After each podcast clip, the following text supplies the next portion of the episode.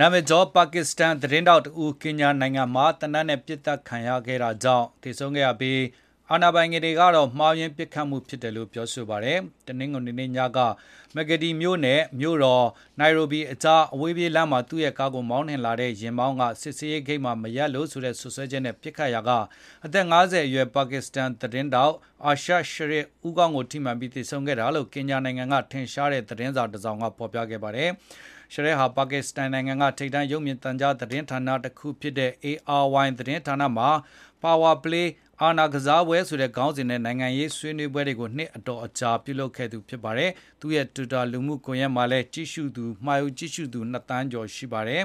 ။သူ့ရဲ့သေဆုံးမှုအတွက်ပါကစ္စတန်မှာလူအများဝမ်းနည်းကြေကွဲနေကြသလိုစုံစမ်းစစ်ဆေးမှုတွေပြုလုပ်ဖို့လည်းတောင်းဆိုကြပါတယ်။